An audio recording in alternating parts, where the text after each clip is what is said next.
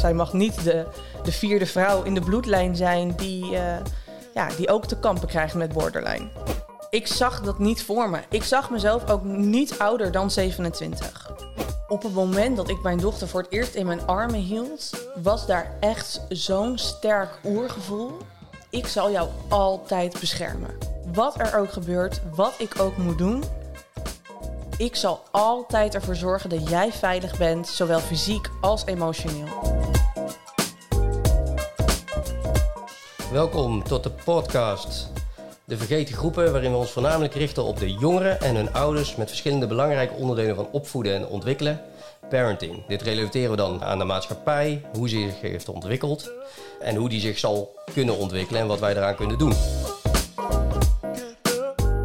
Vandaag zijn we op visite in Huizen bij Linda Jansen.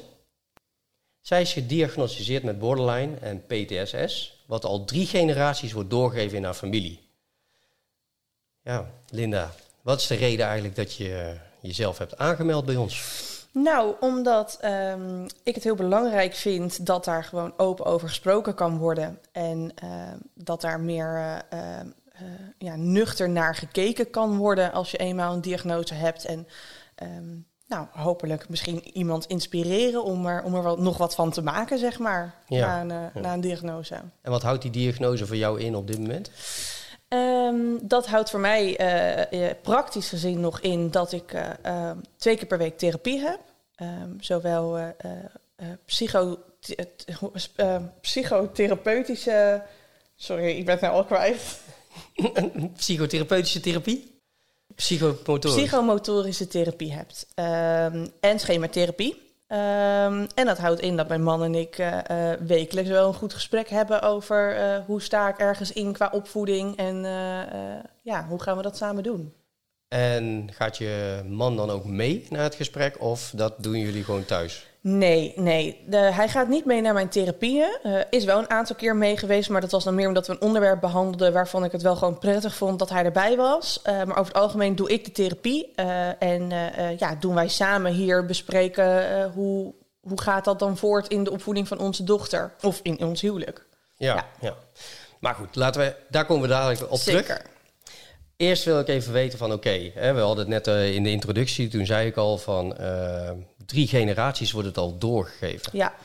Um, ja, ik zou graag alle drie de generaties even kort willen belichten. Um, en jij mag ja, wat je erover wil vertellen natuurlijk. Ja. Um, en hoe zich dat dan heeft doorgegeven per generatie en hoe dat dan bij jou terecht is gekomen. Ja. En waar het verhaal, hoe is dat gediagnosticeerd?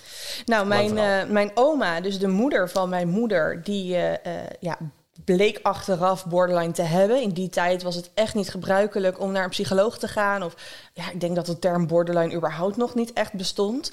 Uh, maar eigenlijk pas toen mijn moeder de diagnose kreeg, besefte die van: oh, maar wacht, dit is wel heel herkenbaar. En uh, ja, die, die zegt nu ook open en eerlijk als ik terugkijk, ja, 100% dat, dat haar moeder dat dus ook had. Um, mijn moeder uh, heeft dus ook de diagnose borderline. Uh, ik denk dat ze die kreeg toen ik een jaar of um, acht was. Toen heeft zij heel lang bij het RIAG gelopen. Echt een hele intensieve behandeling gehad. Ik moet zeggen dat dat, dat heeft echt geholpen.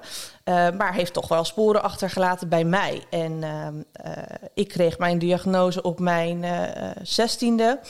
Um, dus toen ik een dochter kreeg, was dat direct een, een angst voor mij. Van ja, ik wil dat niet doorgeven aan haar. Zij mag niet de, de vierde vrouw in de bloedlijn zijn die, uh, ja, die ook te kampen krijgt met borderline. Dus ja. En zo is het gekomen. En zo is het gekomen, ja. Maar als je dan kijkt naar je, naar je moeder, um, ja. de diagnose. Mm -hmm. Hoe, wat voor redenen uh, waren er hoe ze aan die diagnose kwamen? Dat zat hem bij haar vooral in agressie. Ja. Um, zij kon uh, heel gauw van 0 naar 100 gaan. Um, totale ontsteking en voor mij ook niet inzichtelijk waarom. Of ik, ik voelde de opbouw niet, maar die voelde zij zelf ook niet. Dus dat was voor haar ook heel lastig. Dus agressie was voor haar echt wel een, een nummer één symptoom dat ze dacht, ja, daar is wel wat aan de hand en daar moet ik mee aan de slag. Um, maar ook een stukje ze vond het heel lastig om, uh, en vindt, om empathie te tonen. Ze vindt het lastig, en ze doet het al beter hoor, maar ze, ze vindt het wel een ding om zich te verplaatsen in een ander en te begrijpen dat er andere perspectieven zijn. Um, maar dat, dat gaat echt al een heel stuk beter als, als toen ik een kind was. Maar um, ja, dat waren wel, wel twee, twee dingen die zij heel moeilijk vond en vindt. Ja. ja. En wat als, als we naar kijken, gewoon naar puur naar de definitie van borderline. Ja. Hoe zie jij dat? Uh, de definitie van borderline. Nou, officieel weet ik hem niet, want er zijn nogal wat termen, ja, dat, wat, dat wat boxen die je moet afvinken. Um, maar één daarvan is, is suicidaal. Um, twee is, is uh, uh, hele extreme emoties hebben die van links naar rechts gaan. Uh, dus extreem gelukkig. Uh, het leven is mooi en ik kan alles aan. Tot is dit het nou? En uh, puur verdriet. En dan niet een beetje verdrietig, maar echt verscheurd worden door verdriet. maar dus ook in het boos zijn. Niet een beetje pissig zijn, maar ziedend zijn. En echt in staat om dingen te doen waar je spijt van kunt krijgen. Dus hele extreme emoties. Um, voor mij voelde het ook altijd als een waterval. Uh, als er, alsof er een soort poort open ging. En ik werd echt overstroomd door verdriet en, en woede en teleurstelling en frustratie. En um, zo extreem heftig dat je, ja, dat je daar zonder behandeling, zonder handvaten, dat je daar echt niet mee om kan gaan. Dat zag je ook bij je moeder? Ja. Ja, ja enorm, enorm. En hoe was dat dan in jouw opvoeding? Eng. Ja, dat was wel eng. Ehm, vooral omdat, ja, wat ik zeg, als zij boos was, was ze ook razend. Dan werd het echt zwart voor haar ogen en ja, was, ze, was ze gewoon echt heel erg boos. Maar ieder met, met verdriet. Ehm, dus dat was eng. Maar tegelijkertijd waren dus de leuke momenten waren ook echt heel leuk. En ehm, was mijn moeder echt mijn beste vriendin. Mijn, ze was altijd gek, altijd in, in, in uh, ja, bereid voor een grap. Of, uh, en mijn vader noemde ons de accelerators, omdat wij elkaar echt aanzwongen. Zwingen. Swingen, zwongen. je snapt wat ik bedoel. Maar, um, en hoe, hoe stond je vader erin?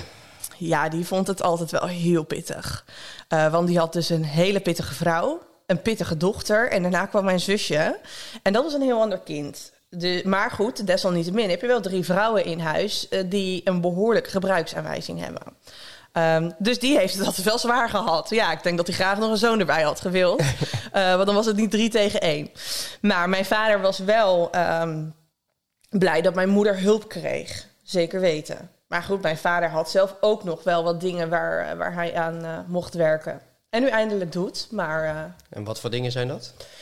Nou, mijn vader uh, uh, heeft een narcistische, een narcistische persoonlijkheid en heeft ook PTSS uh, van twee ehm, verschillende evenementen die hij, waar hij getuige van was. Um, een daarvan is de Bijlmerramp. Ik geloof dat ik nog niet geboren was. Ik ben in 1994 geboren. Volgens mij was het in 1993, denk ik Er is nu een documentaire over. Ja, ja, ja. ja, enorme trigger dan voor hem. Omdat kan hij er naar kijken? Nee. Nee. nee, absoluut niet. En hoe heeft hij dat ervaren dan? Was je daar aanwezig? Of? Nee, mijn vader uh, is fotograaf. Uh, mijn moeder inmiddels ook. Uh, okay. ze doen dat nu samen. Maar mijn vader doet dat echt al eh, sinds hij een jaar of twintig is. en hij had een klus in Amsterdam. En hij reed over de snelweg terug naar, naar Bussen, waar hij destijds woonde met mijn moeder. En hij zag een vliegtuig. En dat, dat vloog heel laag. En steeds lager en lager. En hij dacht eigenlijk, nou, dat, dat gaat niet goed. Um, ja, en als fotograaf zijnde, hij uh, deed uh, niet alleen klussen als premières en boekpresentaties, maar ook zeker voor de krant. Dus naar branden, ongelukken, et cetera. Dus ja, dat was een soort automatische reactie om om te draaien en daarheen te gaan. Want daar ging nieuws gebeuren. En ja, ja daar word je naartoe getrokken. Um, maar doordat hij uh, uh, al omdraaide voordat het vliegtuig überhaupt was, was uh, ja, gecrashed, was hij daar eerder dan, dan de hulpdiensten. Dus hij heeft daar ja, hele nare dingen gezien. Uh, hij heeft me ook nooit alles verteld, maar wel een aantal dingen. Maar die dingen waren eigenlijk al dat ik dacht: wauw, ik kan me niet voorstellen dat je dat ziet en nog kan slapen. Ooit. Hoe oud was je toen hij dat vertelde? Ik weet dat er. Eh, er was een hele lange tijd dat ik wist dat er in de maand oktober. dat mijn vader niet zichzelf was. Hij ja. werd stiller, zagrijniger, kortaf. Um, soms ging ineens de tv uit en dan draaide ik mol om en dan had hij tranen in zijn ogen. Dus ik wist dat er iets was in die maand. Maar als ik dan vroeg aan mijn moeder van mama, wat is er met papa? Dan ja, laat papa maar even. En ik denk dat ik een jaar of uh, 13, 14 was. Dat me wat meer werd verteld. Van oké, dat is gebeurd en hij heeft dat gezien. En nou, dat, dat heeft deze impact gehad. Um, en eigenlijk naarmate ik ouder en ouder werd, ben ik zelf ook meer gaan opzoeken. En ja, kon ik me wel steeds beter voorstellen hoe en wat.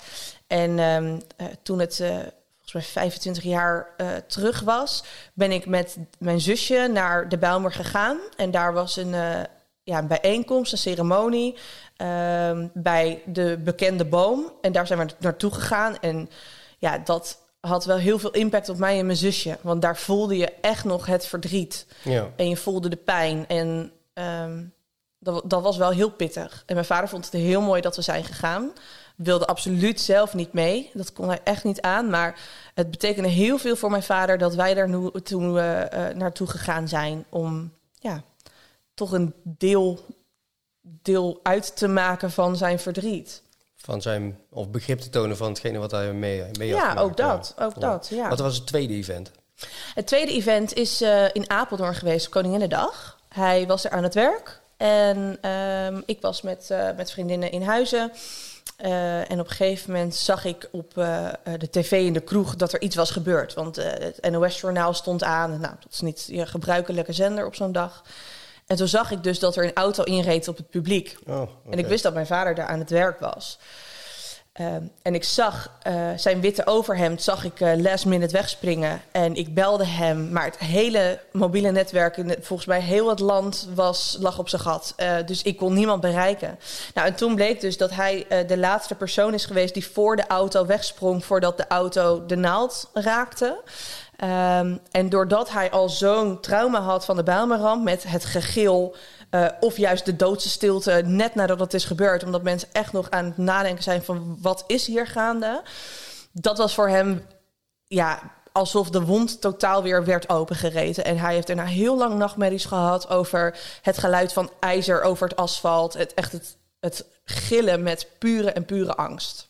Wat voor aanpassingen? Want je vader heeft heel wat meegemaakt. Waarschijnlijk heeft hij daar ook, uh, uh, ook in zijn humeur, in zijn manier van doen. Uh, ja, het werd al benoemd dat hij een narcistische persoonlijkheid had. Ja. Um, dus het draaide toen best redelijk om hem, want hij moest het ook verwerken. wat voor impact had het op jou en je zusje en je moeder eigenlijk?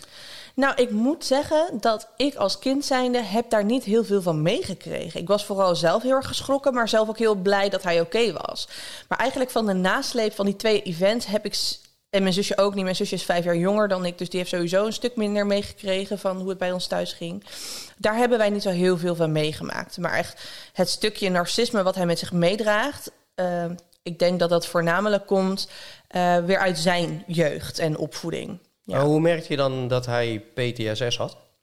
Um, voornamelijk dat hij uh, heel emotioneel werd als de, de datum naderde. Dus inmiddels Koninginnedag en de maand oktober.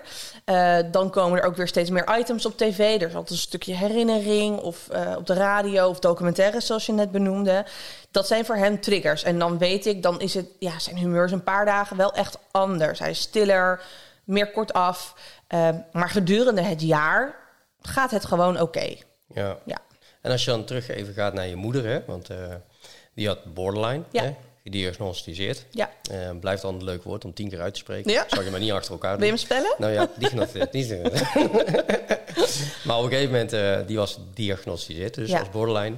Um, ja, en dan heb je een vader van PTSS, hè? Ja. maar goed, en narcisme. Mm -hmm. uh, wat voor impact had het uh, op jou en je zus qua gedrag binnen, binnen het huis? Ja, ik, dat was wel een giftige combinatie.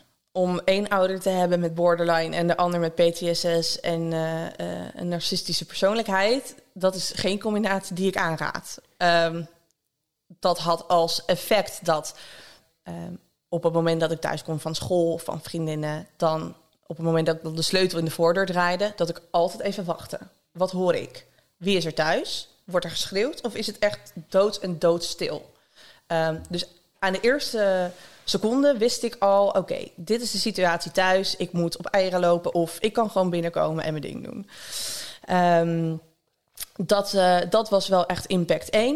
Um, nou, en impact 2 uh, is... Kijk, mijn zusje is vijf jaar jonger dan ik. Dus wanneer er thuis iets was, um, dan was dat ook echt alsof er vuur en benzine gemixt werden, mijn ouders. Dus um, nou, het gebeurde regelmatig. Het geschreeuw was oorverdovend. Um, servies werd uh, door de woonkamer gegooid, er werd op tafel geslagen. En ik voelde me heel erg uh, gedwongen om mijn zusje daarvan te beschermen. Want vijf jaar jonger, ik was de grote zus. Um, dus standaard deed ik haar jasje aan. Wel een beetje afhankelijk van tijdstip natuurlijk. Maar deed ik haar jasje aan en gingen we in ieder geval naar buiten. Gingen we lopen naar de speeltuin. En dan probeerde ik te doen alsof er niets aan de hand was voor haar. Dus we gingen gewoon lekker spelen. En um, nou, dan bleven we 20 minuten weg, 30 minuten weg. Ik wilde haar wel heel erg beschermen. En blijkt nu, want we hebben uh, behoorlijk wat systeemgesprekken gehad. Uh, mijn zusje, mijn moeder, vader en ik. Samen, als gezin? Ja, ja bij, uh, bij de instantie waar we inmiddels allemaal lopen. En daar bleek godzijdank wel uit dat dat wel zijn vruchten heeft afgeworpen. Want mijn zusje die kijkt heel anders naar haar jeugd dan ik. En um, brak ook wel in huilen uit als ik dan vertelde hoe het voor mij was. Of wat ik dan zag, of wat ik me kon herinneren, of wat ik had gehoord. Um, en wat vertelde je dan vooral? Dat ik uh, in elkaar gekropen zat onder de eettafel. Um, terwijl mijn ouders aan het schreeuwen waren. Of dat er een bord spaghetti tegen het plafond aan vloog. Of dat het eindigde altijd hetzelfde. Het eindigde altijd dat mijn vader was zo uh, op de spits gedreven door mijn moeder. Want dat is ook een stukje borderline. Echt mega gemeen worden. Blijven steken, blijven steken, blijven zuigen. Totdat die explosie komt. En en dat is heel lastig voor te stellen voor iemand, denk ik, die geen borderline heeft. Maar dat voelt zo bevredigend dat je dan je doel hebt behaald. En je hebt iemand zo gekwetst of gekrenkt of boos gekregen. En dan, ja, daar, daar word je zelf dan gewoon helemaal rustig van. Um, en dat had mijn moeder ook heel erg. En dat kan ze nog steeds wel hebben. Echt blijven zuigen, zuigen, zuigen. Totdat de situatie zo escaleert. Dat mijn vader uit en zelfbescherming, maar ook bescherming van het gezin, vertrok. De deur uitging, deur mega hard dicht uh, smeet, de auto pakte en wegging. En dan ook onbereikbaar voor uren. Um, en mijn moeder, die ging op de bank zitten met haar telefoon en zei, ah joh, die komt wel weer terug. Maar als kind zijnde is dat zo eng, omdat mijn zorg was altijd, of hij komt nooit meer terug. Ze gaan uh, ze gaan scheiden, ze gaan uit elkaar. Waar moet ik dan wonen? Waar voel ik me het meest prettig? Of hoe moet het dan met ons? Uh, of hij maakt er een einde aan. Uh, want dat was ook wel, dat werd ook wel gezegd. Dat riep hij. Ja. ja. Nu even terug, hè, want uh, jouw moeder is ook wel een beetje, als je af en toe onderzoeken ziet over de borderline, mm -hmm. um, zijn vaak ook wel intelligente mensen die ook precies weten Dank waar je. ze en hoe ze mensen moeten raken. Zeker. Ja. Aan de andere kant was jouw vader iemand die jullie uh, alleen liet eigenlijk. Met je moeder. Ja, klopt. En dat nam ik hem soms ook kwalijk. Um, maar hij zei dan, ja, maar als ik blijf, ja, wie weet wat er dan gebeurt. En dan niet zozeer naar mij en mijn zusje hoor, maar wel naar mijn moeder. Ja. Ja. Ja. Hele gevaarlijke situatie. Ja, behoorlijk. Hoe oud was je en, toen? Nou, ik denk dat het nooit anders is geweest. Maar echt mijn eerste actieve herinneringen daaraan zijn denk ik dat mijn zusje een jaar of vier was. Dus ik was dan negen. Negen, ja. Ja. Op een gegeven moment word je ouder. Ja. Puberteit. Ja. Hoe was de puberteit? Pff, heel heftig. Omdat uh, in de puberteit ontwikkelde mijn borderline mega. En ik wist niet wat er aan de hand was. Ik wist alleen, ik ben boos op de wereld. Heel bang ook, want ik wist. Um, de, ik, zou, ik zou iemand kunnen vermoorden. In bepaalde staten dat ik was, zou ik zonder te knipperen iemand kunnen vermoorden.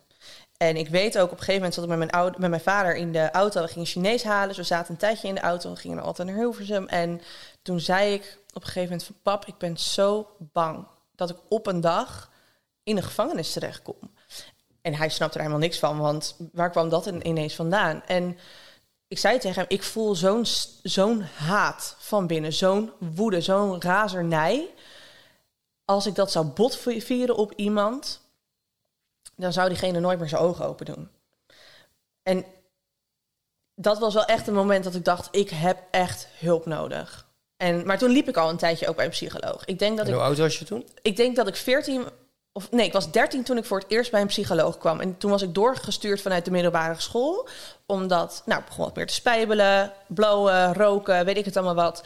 Uh, vond het allemaal niet zo heel serieus. Uh, als docent uh, mij nou ja, probeerde te disciplineren, dan dacht ik, wie in hemelsnaam ben jij? En waarom praat jij zo tegen mij? Ik bepaal zelf wel wat ik doe, want ik ben 13 en de wereld is van mij.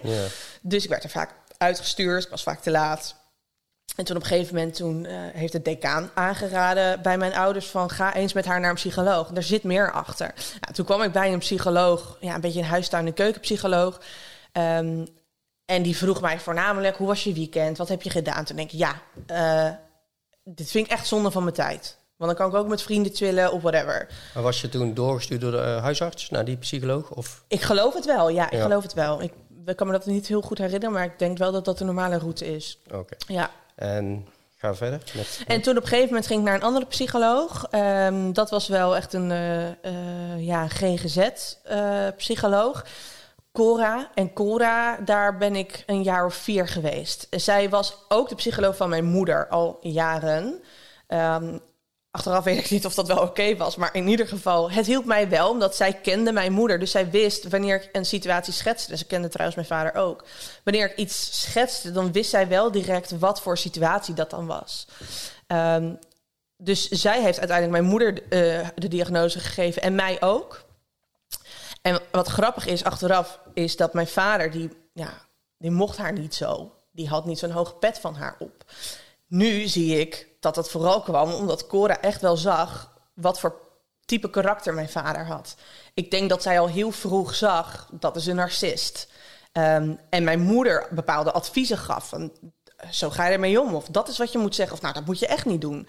Dus als mijn moeder dat dan thuis ging implementeren, ja, dan stootte dat mega tegen de borst van hem. Want waarom, uh, waarom luister je niet? Of waarom zet je mij nu niet meer op zo'n voetstuk? Waarom doe je dat niet voor mij? De narcist werd ontmaskerd. Exact. Ja, nu kijk ik daar echt zo naar terug. Uh, dus hij was niet zo'n fan van haar. Nee, nee. nee, nee zeker niet. Nee. Maar als je kijkt naar Cora, hè, um, wat was haar analyse over de hele situatie?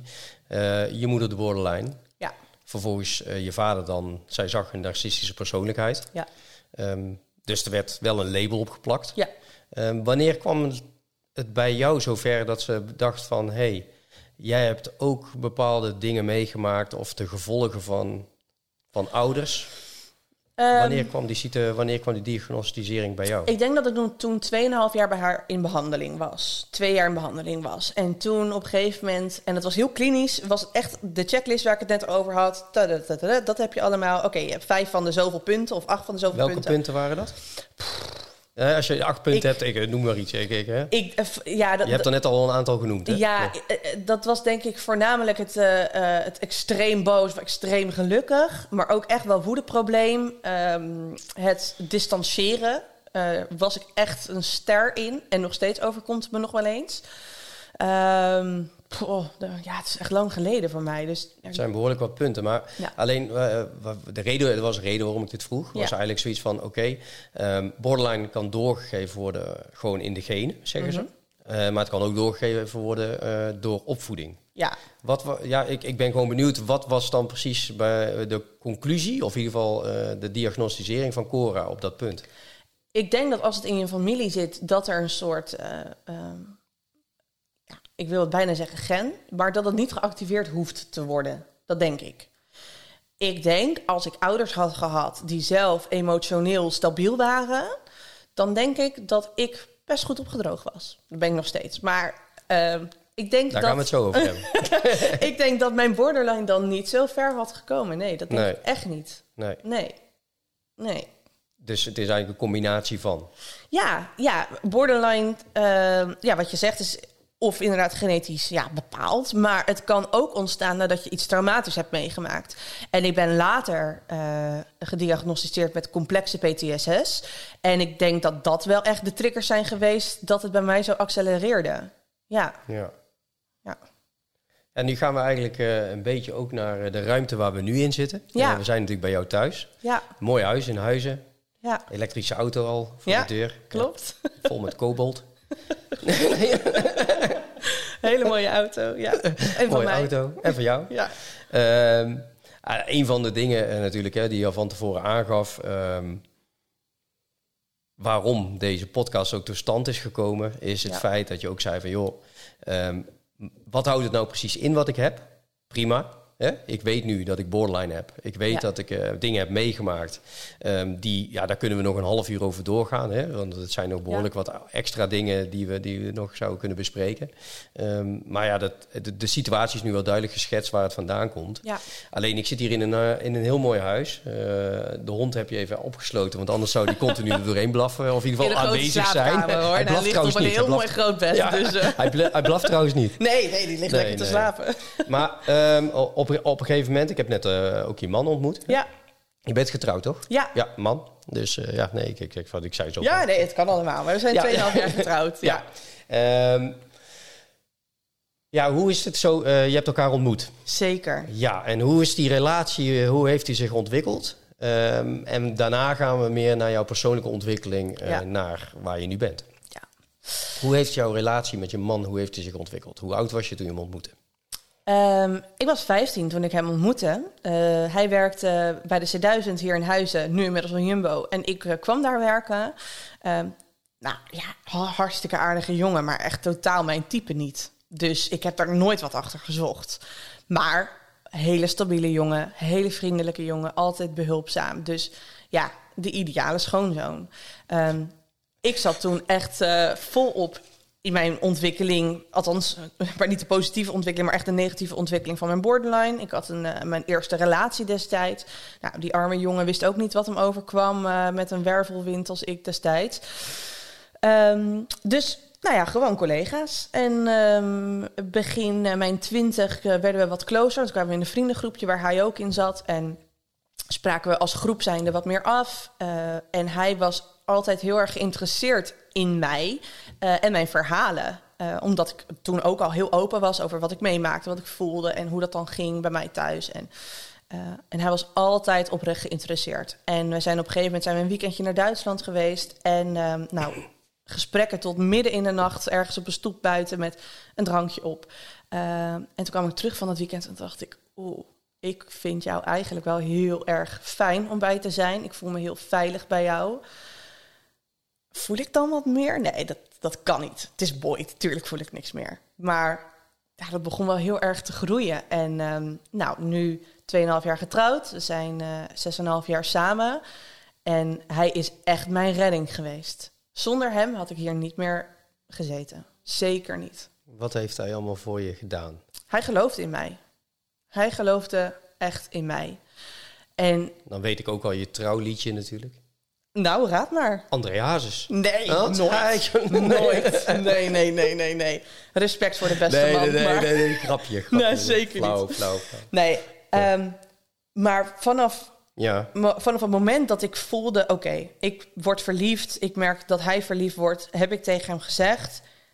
jij en ik kunnen nooit samen zijn. Want mijn leven is één shitshow. En wij zeiden ook altijd, we hebben de Jansenvloek. Nou, achteraf zien zijn het geen vloeken. We hebben gewoon psychische stoornissen en aandoeningen. Maar wij noemden dat de Jansenvloek.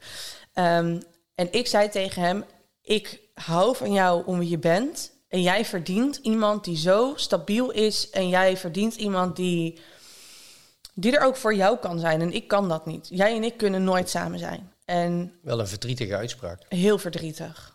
En ik ben blij dat hij niet geluisterd Naar, heeft. jou, naar je man toe, maar ook voor jezelf. Ja, heel verdrietig. Want dat Ja. ik, ik zag dat niet voor me. Ik zag mezelf ook niet ouder dan 27. En dat klinkt gek. Ik kon het, ik, ja, ik kon het gewoon niet visualiseren. Omdat ik gewoon wist... Ik ga het niet redden. Dit gevecht ga ik niet redden. Ik wil het niet redden. Ik ben, er zijn vaak momenten geweest dat ik klaar was. En ehm, ook wel zelfmoordpogingen heb gedaan. Ehm, dus ja, ik wilde hem echt op afstand houden. Ik wilde hem heel erg beschermen van mij. En Heb je ook tijdens jullie relatie eh, een zelfmoordpoging gedaan?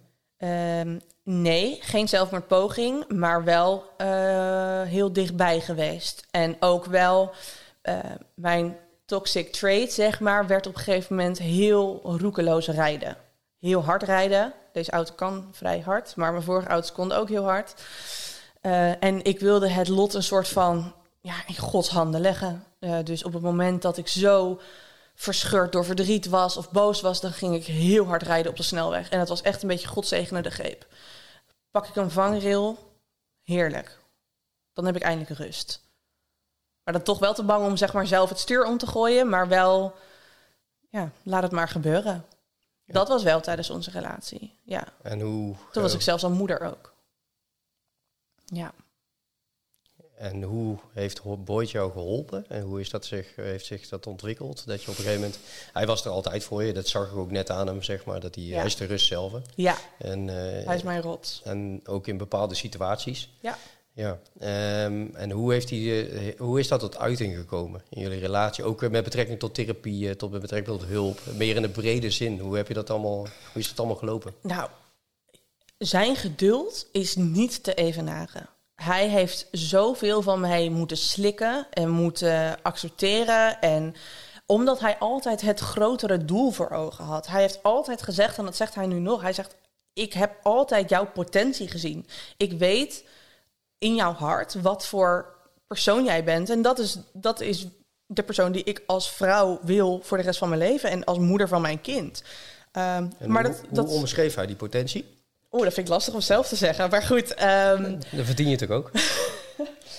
hij vindt mij heel zorgzaam. Hij vindt mij heel ehm, attent en heel lief. En ehm, ja, ik zeg zelf altijd, ik heb een kleine cirkel. Maar de cirkel die ik heb, daar hou ik ook echt van. En daar doe ik heel, heel, heel veel voor. Zelfs ten koste van mezelf. Niet altijd goed, maar dat is wel wat het is. Maar het is wel heel, heel lastig om die cirkel in te komen. Dat wel, ja. Ja. En op een gegeven moment, jullie zijn, hebben ook zelf samen therapie gehad, Ja. vertelde je. Ja, En wat voor therapie? Nou, hij is een aantal keer met mij mee geweest, ook naar de systeemgesprekken die ik dus had met mijn ouders en mijn zusje. Ik ben op een gegeven moment eh, eh, eh, nou, bevallen van mijn dochter, zij is nu vier. En de bevalling vond ik sowieso mentaal heel heftig, maar daarna ging het eigenlijk heel erg snel bergafwaarts met mij. Eh, dus tot het suïcidale ook aan toe. Eh, op een gegeven moment bij de huisarts gezeten van als ik nu niet geholpen word, dan maak ik gewoon een eind aan. Ik wil niet meer, ik kan niet meer. Niemand wil mij helpen, niemand kan mij helpen ik ben, het, ik ben er gewoon klaar mee. Het hoeft voor mij niet meer. Mijn dochter verdient een stabiel leven en dat kan ik haar niet brengen. Ik heb liever dat ze opgroeit zonder moeder dan met mij. Ehm, en vanaf dat moment dat ik bij de huisarts zat, heeft het nog tien maanden geduurd voordat ik eindelijk. Eh, nee, dat is niet waar. Dan heeft het eh, anderhalf jaar geduurd, waarvan de eerste paar maanden ik door zes instanties ben afgewezen, omdat zij zeiden: nee, wij kunnen alleen je PTSS behandelen, maar niet je borderline. En wij vinden dat eerst de borderline behandeld moet worden, of andersom. Nou, en eindelijk kwam ik bij een instantie die zei: Weet je, wij durven het wel aan. eh, we kunnen beide kunnen we parallel behandelen. Nog even terug naar welke instanties waren dat die, eh, die eigenlijk elkaar tegenspraken. Ik geloof mentaal beter. Ehm, Maar wat is dat? Is dat een GGZ? Of is ja, dat gewoon, allemaal GGZ. Allemaal GGZ. Allemaal GGZ. Maar verschillende instanties van de GGZ. Ja, exact. Oké. Ja, ja, ja. En de laatste was ook GGZ. ja, En zij konden jou wel helpen. ja. Oké, eh, en toen? Ehm, nou, ik ben er in behandeling eh, gekomen. Maar ook vanaf het moment van intake tot behandeling starten duurde het negen maanden. Nou ja, dat, dat waren geen leuke maanden hier thuis. Want ik zag het niet meer zitten. Dus mijn man die was heel bang. Die vond het heel spannend als ik alleen met eh, mijn dochter eh, was, omdat hij ging werken. Achteraf weet ik dat hij dan ook bijvoorbeeld mijn moeder, of mijn schoonmoeder, even appte of zijn oogje in het zeil konden houden. En checkte hij wel regelmatig bij mij in. hey, hoe gaat het? Hij houdt heel veel van je. Ja, godzijdank wel. Ja. Ja, ja, ja. Dus je zal ook wel zeker wat dingen goed doen, toch? blijkbaar. Heel veel dingen ja. goed doen, want je hebt het net zelf omschreven. Ja, Ja. En toen ben je geholpen. Ja. Door. En waar, waar begonnen ze toen? Begonnen ze toen bij de borderliner of bij de PTSS? En de PTSS kwam waarschijnlijk van je opvoeding. Ja. Dat je allemaal mee hebt gemaakt, Ja. hè? Ja, ja. Dus dat hebben we het al. Oké. Echt de complexe PTSS. Dus de, de- niet de, de PTSS die mijn vader heeft van één traumatische gebeurtenis, maar echt een langdurige blootstelling aan hele heftige situaties als kind zijnde. Dat is dan de complexe variant. Ja. Ehm, beide behandelingen zijn echt eh, tegelijkertijd begonnen. Dus de, de PMT voor eh, eh, het stukje PTSS, dus echt het leren voelen. Ehm, ik zei altijd, ik, ik word gewoon woedend in één knip. Ik voel die hele opbouw niet. Ik ga van 0 naar 8 en 8 tot 10 is een ramp. Ik voel die hele opbouw niet. Nou, ehm, heel erg overtuigd van het feit dat ik dat ook nooit zou kunnen voelen. Nou, inmiddels voel ik dat heel goed. Dus de PMT heeft me echt geholpen om te luisteren naar mijn lichaam en de signalen te zien die je lichaam gewoon wel geeft, maar die jij gewoon niet kan plaatsen. Eh, en dan heb ik de schema eh, therapie gehad voor het stukje borderline. Eh, en beide volg ik nog steeds. En dan hadden we daarnaast, het waren intensieve tijden, hadden we eh, systeemgesprekken. waarbij ik, mijn ouders en mijn zusje, maar voornamelijk eigenlijk mijn ouders vertelden wat er allemaal met mij aan de hand was. Want heel lang wisten ze dat niet. En wilde ik ze ook niet. Ik wilde hun heel erg beschermen. Ik heb hen nooit het gevoel willen geven van jullie waren slechte ouders. Want altijd een dak boven ons hoofd, altijd eten, altijd schone kleding. Ik ben nooit fysiek verwaarloosd in die zin. Dus je was eigenlijk leefde in dienst van hun. Ja, er is een hele mooie. vraag? Ja, Ja, ja, er is een hele mooie term, dat heet parentificatie. Ehm. En toen ik die voor het eerst in mijn leven hoorde, toen dacht ik: wow, dit ben ik. Ja. Ehm, ik heb heel veel voor hun gezorgd. Ik was altijd de mediator, want wat, mijn ouders konden niet met elkaar praten. Maar ik, in een ruzie begreep ik het wel het standpunt van mijn moeder en ook het standpunt van mijn vader. En dus als acht, negenjarige meid ehm, zaten zij op de bank boos te zijn op elkaar. En zat ik daar van, ja, maar pap, hij, zij, zegt dat. Of ja, maar mam, eh, dat, dat doet toch pijn als je dat zegt? Ja, totaal absurd als ik daar nu aan terugdenk. Want ik hoorde gewoon te spelen met vriendinnen. Maar ik durfde geen vriendinnen mee naar huis te nemen. Want wie weet wat er die dag weer ging gebeuren. Dus laat maar, ik zie je morgen op school wel. Dus ehm, ik heb dat heel lang niet durven, durven vertellen aan hun. eh, wat mij dan dwars zat en waar mijn woedeaanvallen vandaan kwamen, kwamen. En waarom ik niet meer wilde leven. Dus die systeemgesprekken waren voor hun heel, heel, heel, heel heftig. Want ik deed toen echt een boek open. Ehm, en dat ging eh, eh, ook naar de gevolgen van mijn jeugd. Als in drugsgebruik of seksueel misbruik. Of, dat, dat, dat wisten zij echt niet. Maar ja, dat was wel een gevolg van. Want daar kon ik vluchten. Ja. Dus ook bij die systeemgesprekken was hij aanwezig. Om, omdat ik dat vroeg. Ik wilde, ja, ik wilde mijn steun erbij hebben. Ja. Daar was je man ook bij. Ja, Ja. En want je had de persoon. Ik neem aan dat het twee verschillende soorten therapieën waren. De ene was meer Ja. persoonlijk en de andere was met eh, familiestelling en Ja, eh, ja, kijken. de systeemgesprek is echt met een familietherapeut ook. Die de hele dynamiek in de gaten houdt en eh, ervoor zorgt dat iedereen aan het woord komt. Of dat sommige mensen gewoon even stil zijn. Dus die houdt alles heel goed in het gareel. Ja. Was Ja. ook een veilige situatie. ja, Ja. Ja. Hoe, en je, je zusje zat erbij. ja. Hoe, eh, eh, hoe, heb je, hoe is jullie relatie op dit moment? niet zo goed als ik zou willen. Ehm, en dat komt omdat in de afgelopen twee jaar, waarin ik dus mijn boekje open heb gedaan, is er heel veel verdriet geweest. Ehm, dat ik droeg dat altijd alleen. En ineens deed ik eh, ja, een soort schatkist open aan, aan gevoel. En dat heeft de band met mijn ouders en mijn zusje echt doen veranderen. Ehm, en mijn zusje is altijd een soort van mijn beste vriendin geweest. Maar ik merk wel dat na de therapie is er wat meer afstand gekomen. Ehm, maar het was voor haar... Mijn zusje is best wel een binnenvetter. Eh, dus die zal niet zeggen van... oh, ik vind het vervelend dat of dat doet me verdriet. Ehm, maar in die therapieën zag ik haar wel regelmatig huilen. En eh, als dan de systeemtherapeut vroeg van... nou, Diana, ik zie dat het wat met jou doet... Ehm, en dan zei ze ook van ja, ik weet dat zij mij heeft beschermd. En dat zij alle pijn draagt, zodat ik die niet hoefde te dragen. En dat zij altijd voor mij in de bres is gesprongen of mijn ogen dicht deed of mijn oren dicht deed. Zodat het voor mij niet zo heftig was. En zij heeft zich daar wel heel erg schuldig over gevoeld. Dat ik dat dus in mijn eentje heb moeten dragen. Uh, overgevoeld zeg je, of voelt ze zich nog steeds schuldig? Mm, ik, denk, ik denk nog wel, maar ik moet zeggen dat die, we hebben echt veel systeemgesprekken gehad. Ik denk een stuk of twaalf. Uh, en op een gegeven moment is het ook wel klaar. Dan ga je naar de heling toe. Okay. En ik denk dat, dat dat de afgelopen acht, negen maanden... dat we daar allemaal ruimte voor hebben genomen om, om het te laten helen. En hoe heb jij je heling gedaan? Ja, wel door afstand te nemen. Ik was altijd uh, beschikbaar voor mijn uh, ouders. Ze hoefden maar te appen of te bellen of ik ging daar naartoe. Uh, er hoefde maar iets te zijn en ik liet alles vallen. Of, ook al zat ik aan tafel met mijn man en kind, maar ze hadden mij nodig, dan ging ik direct daarheen om het te regelen. Um, dat heb ik echt leren, moeten leren loslaten. Zij zijn volwassen, zij moeten voor zichzelf zorgen, zij kunnen voor zichzelf zorgen. En ik heb inmiddels ook mijn eigen gezin. Ik heb een nieuwe generatie waar ik voor moet zorgen dat die oké is. En dat die hopelijk uh, niet zo'n traject aan hoeft te gaan. Dus ik heb, ik heb afstand genomen van, uh, van mijn uh, ouders. een paar maanden lang echt wel heel heftig. Um, als in mijn dochter die wilde wel graag naar oma en opa. En dat vind ik ook helemaal oké. dus die bracht ik dan. Maar ik ging wel gewoon meteen weer weg. Bleef daar niet voor een kopje koffie of zo.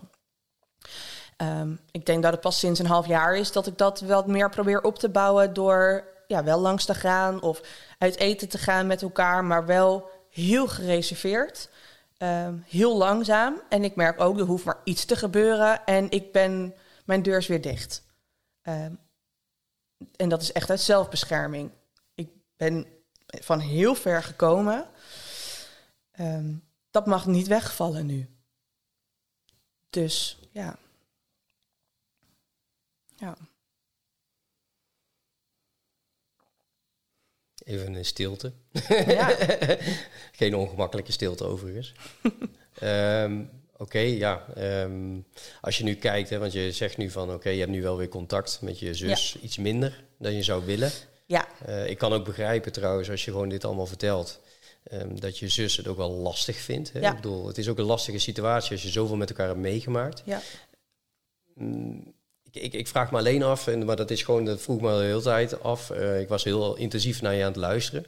Um, daarnaast vroeg me ook af uh, hoe, die, hoe een narcist de, dat allemaal zou ervaren, zeg maar. En de, dat kan je natuurlijk ook niet voorstellen. Alleen een narcist probeert natuurlijk in alle mogelijke manieren uh, de boel te manipuleren en zichzelf te beschermen. Ja. En tijdens zo'n systeemgesprek lijkt me dat zeer moeilijk. En ik, ik denk als zo'n want het was ook Cora die die gesprekken deed. Nee, nee. dat niet. Was van Cora heb ik uh, op een gegeven moment afscheid genomen. Ik denk toen ik een jaar of uh, 18, 19 was. En dat was uh, haar initiatief, omdat zij op een gegeven moment zei... Lin, ik kan jou niet verder helpen. Mijn behandeling zit echt aan een plafond.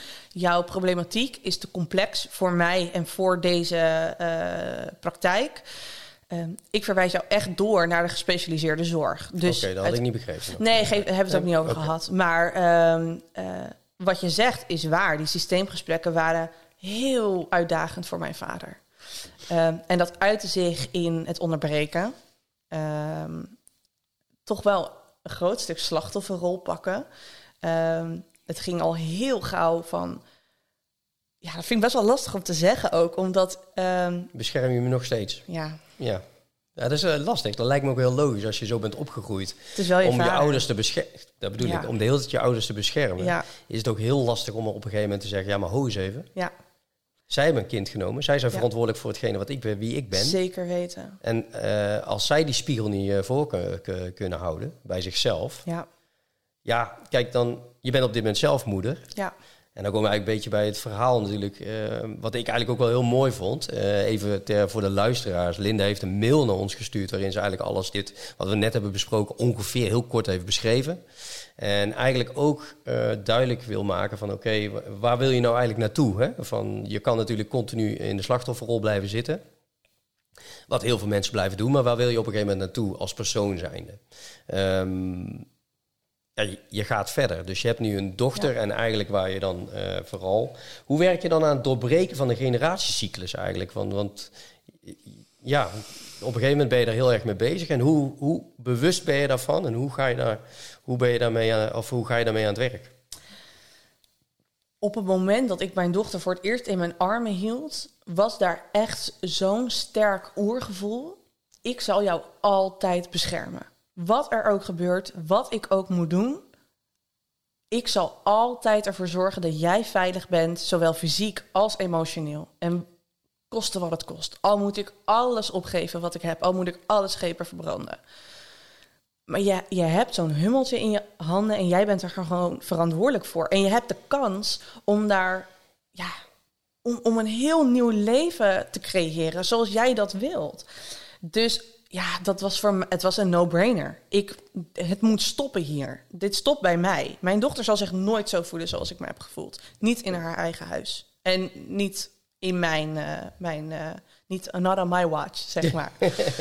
um, maar daarna kreeg ik wel een uitdagende tijd. En um, hoe ik dat doorbreek is, ik luister echt naar haar. Um, hoe jong ze ook was, als zij aangaf, ik wil iets niet, en laten we wel wezen, hè, dat kan ook soms tandenpoetsen zijn, ja, dan is het gewoon echt even pech hebben. We gaan tanden poetsen. Nee, ja. Maar als zij niet geknuffeld wil worden, dan knuffelen we niet. Als zij geen kus wil geven aan opa en oma, nou, dan moet opa en oma echt door mij heen, want dan komt er gewoon geen kus. Ik vind het heel belangrijk dat nee is nee en ja is ja, ook prima. Um, geschreeuw in huis. Uh, tuurlijk, mijn man en ik zijn heel gelukkig getrouwd. Maar we kunnen af en toe elkaar ook wel achter het behang plakken. Dus dan wordt er ook een stem uh, verheven. Maar wij zijn altijd wel heel kritisch op elkaar. Dat we, uh, als ik het even niet kan, dan benoemt hij van Lin niet waar Sky bij is. En dan denk ik, oh ja, oh ja, je hebt gelijk. Uh, en als ik dan toch zie dat zij toch wel kijkt van, oh, er is wat aan de hand. Ik leg het haar altijd uit. Ik leg altijd uit waarom mama boos is, waarom papa gefrustreerd is of waarom ik verdrietig ben. En ze hoeft echt niet alle details te weten, maar het is heel belangrijk voor haar dat zij ziet dat er emoties zijn, maar ook hoe ik daarmee omga. Wat bijvoorbeeld heel, altijd heel heftig was, is als mijn vader dus wegging en mijn moeder zat heel nonchalant op de bank. Oh, hij komt wel weer terug ik raakte heel erg in paniek. Hoe kan je dat nou zeggen? Hoe kan jij hier nou rustig zitten? Wie weet rijdt hij je zometeen wel het water in? Of wie weet gaan jullie scheiden? Ik snapte dat niet. En tegelijkertijd kreeg ik ook geen arm om me heen om mij te troosten. Want ik was overstuur. Maar het draaide niet om jou. Het draaide niet om mij, nee. Het draaide om hun. Of om hem vooral. Nou, en ook wel om mijn moeder. Maar dus dat, dat zal hier nooit gebeuren. Ja, het is, het is echt een levensmissie voor mij. Zij, uh, zij, gaat, zij, zij is veilig.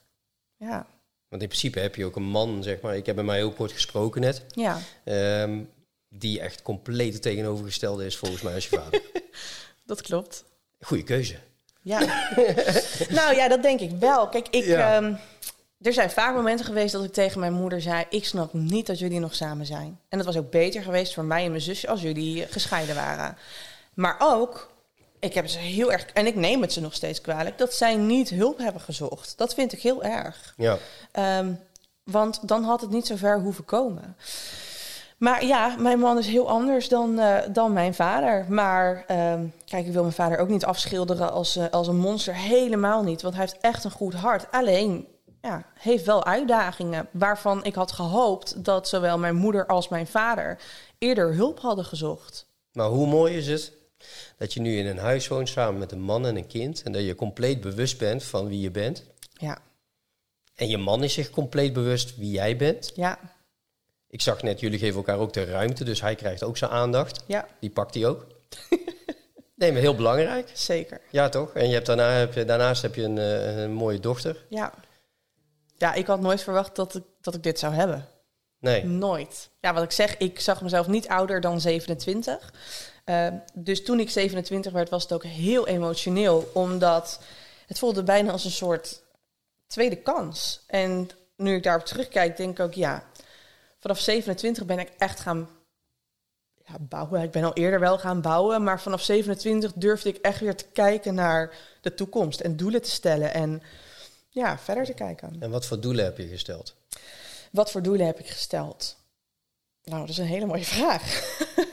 Beetje onverwacht. um, wat voor doelen heb ik gesteld? Ik wil um, dat mijn dochter, uh, wanneer zij 25 is of 30 is en zij, zij woont op zichzelf, dat ze gewoon nog heel graag hier komt. En dat ze hier dan gewoon op de bank ploft, de schoenen uittrapt, bakje chips pakt of met mij gaat zitten en uh, vertelt over de vriendjes. En dat zij zich helemaal veilig voelt om te zijn wie zij wil zijn. Um, ik wil dat mijn man en ik dan nog heel gelukkig getrouwd zijn. Ik wil dat we dan een bepaalde financiële rijkdom hebben opgebouwd. Dat we kunnen zeggen, nou, laten we wat meer gewoon genieten van het moment. En dat we uh, ja, niet 40 uur per week eh, moeten of, of ja, willen werken. Um, en dat we, ja, dat we mooie herinneringen kunnen maken. Dat we, ja, ik weet het niet, bij die per se een wereldreiziger, maar wel dat we gewoon, ja, dat, mooie ja. herinneringen. Dat is het allerbelangrijkste. Als gezin zijn. Als gezin, ja, ja 100 procent. Ja. ja, want je begint nu even over je werken. Ja. Um, ja, want je hebt ook bepaalde kwaliteiten heb je natuurlijk opgebouwd. Op het moment dat je continu bezig bent met uh, het bekoren van je ouders, ja. ben je natuurlijk heel goed in het dienstbaar opstellen. um, dus ja, ik weet ongeveer wat voor beroep je doet. Volgens Ja. mij komt dat heel goed van pas. Ehm, ja, onderhandelen ook. Dat komt ook heel goed van pas. Eh, Ja. Luisteren en de onderliggende behoeften eh, detecteren eh, komt ook heel goed van pas. Ja, die komt wel ergens vandaan. Dat klopt. Ja, ik had nooit verwacht ook dat ik... ik zit in de sales, even voor de luisteraar. Ik werk als business development manager. Ehm, dus ik onderhandel heel veel. Ehm, doe alleen maar acquisitie. Ehm, ik had nooit verwacht dat ik in de sales zou gaan. Ik vond het altijd maar iets voor gladjakkers. En ik denk, ja, eh, verkopen. Als je het niet wil hebben, dan hoef je het niet te kopen. Ja, mij niet gezien. Maakt mij niet uit of jij het koopt. Nee, dus ik had dat nooit verwacht. Maar ja, er is zoveel wat ik niet had verwacht. Ik had niet verwacht dat ik een man zou vinden die gek genoeg zou zijn om dit te doorstaan met mij. Want je krijgt dus niet alleen mij erbij, maar ook een, heel, eh, een hele schoonfamilie die, die van alles mankeert. Dus dat had ik nooit verwacht. En ik had nooit verwacht dat we in zo'n mooi huis zouden wonen in een fijne wijk. En ik, ik had het allemaal niet verwacht. Eh, en zeker omdat er gewoon zo'n bepaald beeld is, die ik zelf ook had hè, bij een diagnose als een psychische stoornis of aandoening of ziekte. Wat voor beeld is er dan bij, volgens jou? Nou, wat, het beeld wat ik had is ehm, niet kunnen werken. Dus afhankelijk zijn van een uitkering. Eh, en nou, dat heeft dan ook weer als effect eh, in wat voor huis je, je kan wonen. Of ehm, ja, hoe, je, hoe je je kind kan kleden of kan verzorgen. Dus ik had daar best wel een negatief beeld bij. Ehm, ja. Maar dat negatieve beeld, dat kwam ook vooral... Dat was eigenlijk het moment dat ik me realiseerde... Oh, dat ik me realiseerde dat eh, ehm, ik was op een intakegesprek bij een GGZ-instantie in Hilversum. En eh, ik heb twee intakegesprekken gehad van anderhalf uur. En op een gegeven moment kwamen we dus tot de behandeling. En toen vroegen ze, ehm, eh, op welke dagen wil je komen? Ik zeg, nou ja, dagen, ik kan in het weekend of ik kan in de avond. Het is nee, het is echt een dagbehandeling, twee dagen per week. Dus ik maar ik werk 40 uur per week. En toen keken ze me heel raar aan, echt alsof ze water zagen branden. Van, 40 uur per week. Ik zeg ja, maar hoe doen andere mensen dit dan? Nou, en toen was het alsof ik de raarste vraag ooit stelde, want toen was het antwoord, ja, maar nou, die werken niet. Ik zeg, maar hoe komen ze aan hun geld dan? Nou, ja, uitkering of ja, die werken gewoon niet. Ik zeg, maar ik, ja, oké, nou ja, dat kan, maar ik, ja, ik werk wel. Dus wat is er dan mogelijk?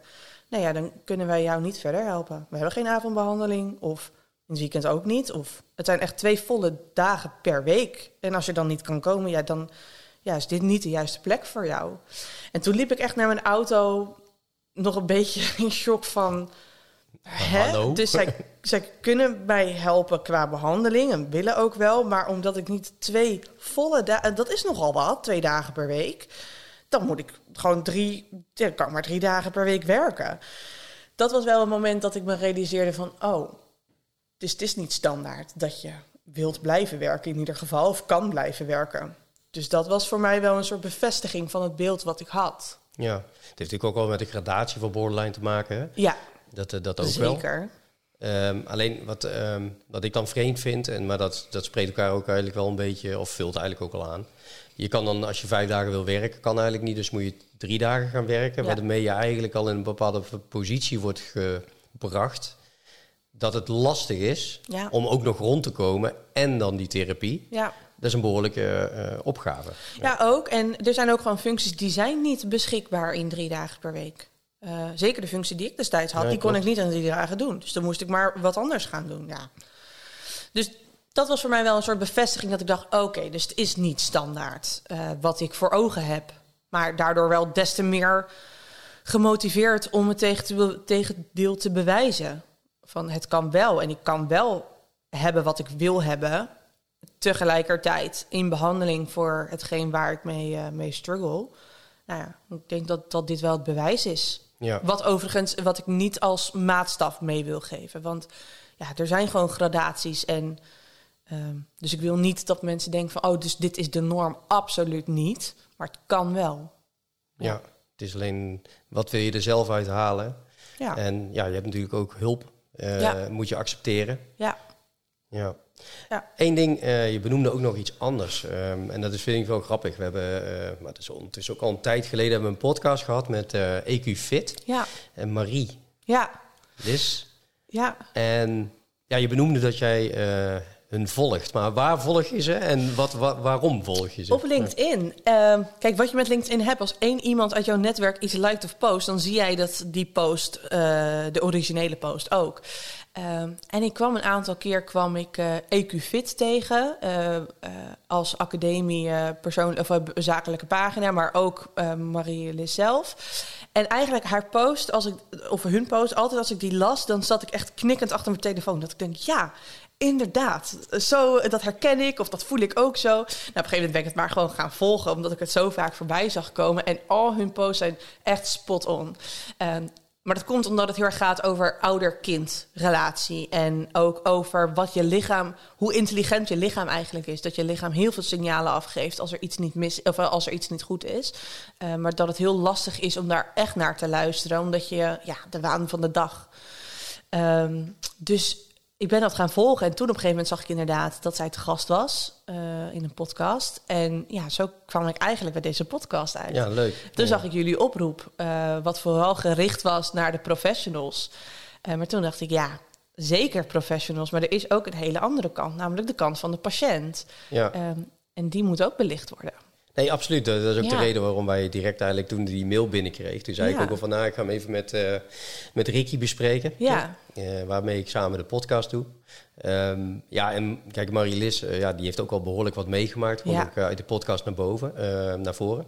Ehm, daarbij vind ik het juist ook wel heel interessant. Want we hebben natuurlijk met de GGZ, hè, je hebt net al aangehaald dat ja, je hebt met drie verschillende instanties binnen de GGZ contact gehad. En allemaal spreken ze elkaar tegen. Maar gelukkig dat de laatste wel wi- wist van oké, wel, dat is de benadering. ja, Ehm, tijdens onze podcast hebben we ook heel vaak meegemaakt dat de diagnosticering soms te snel wordt gedaan.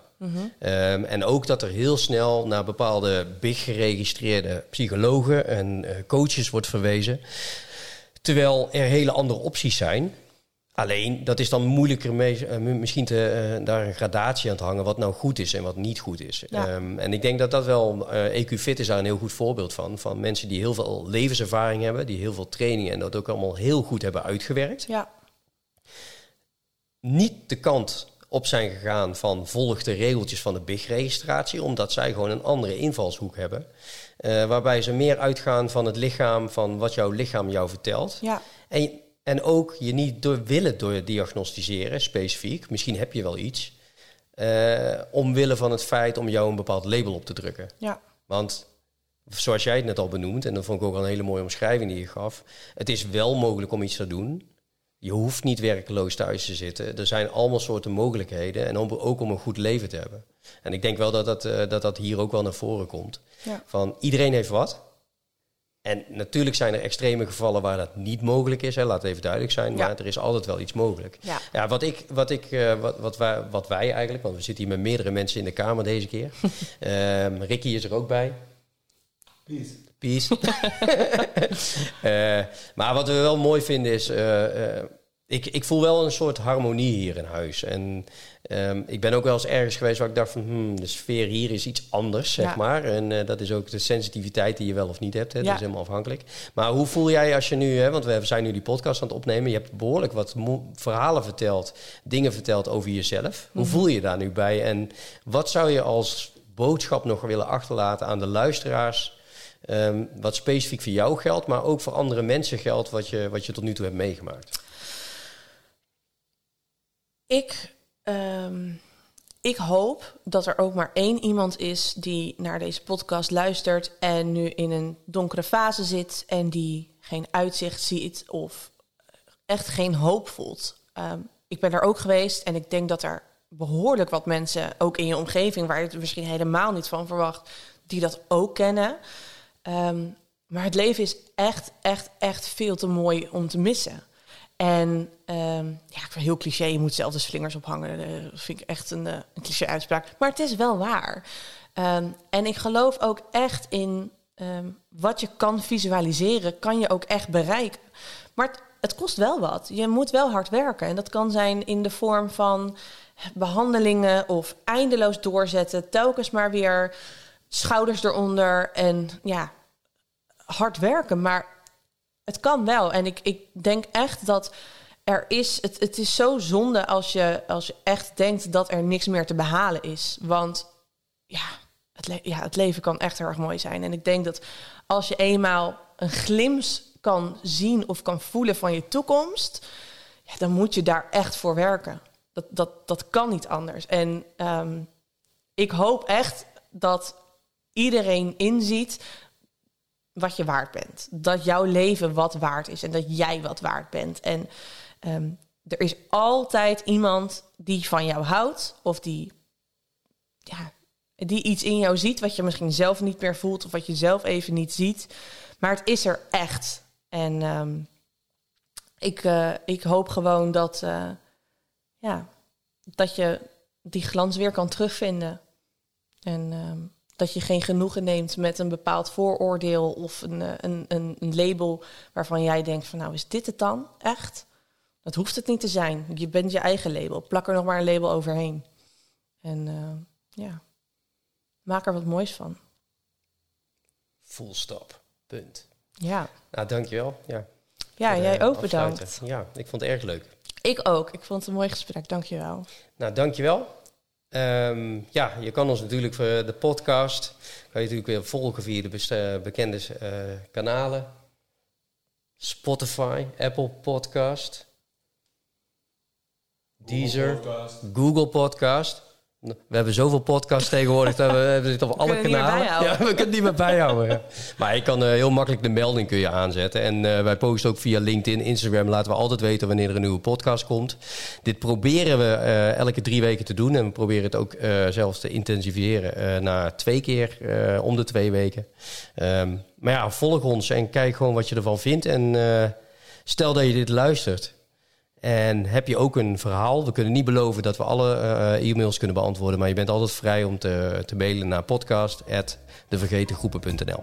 Dankjewel en een fijne dag.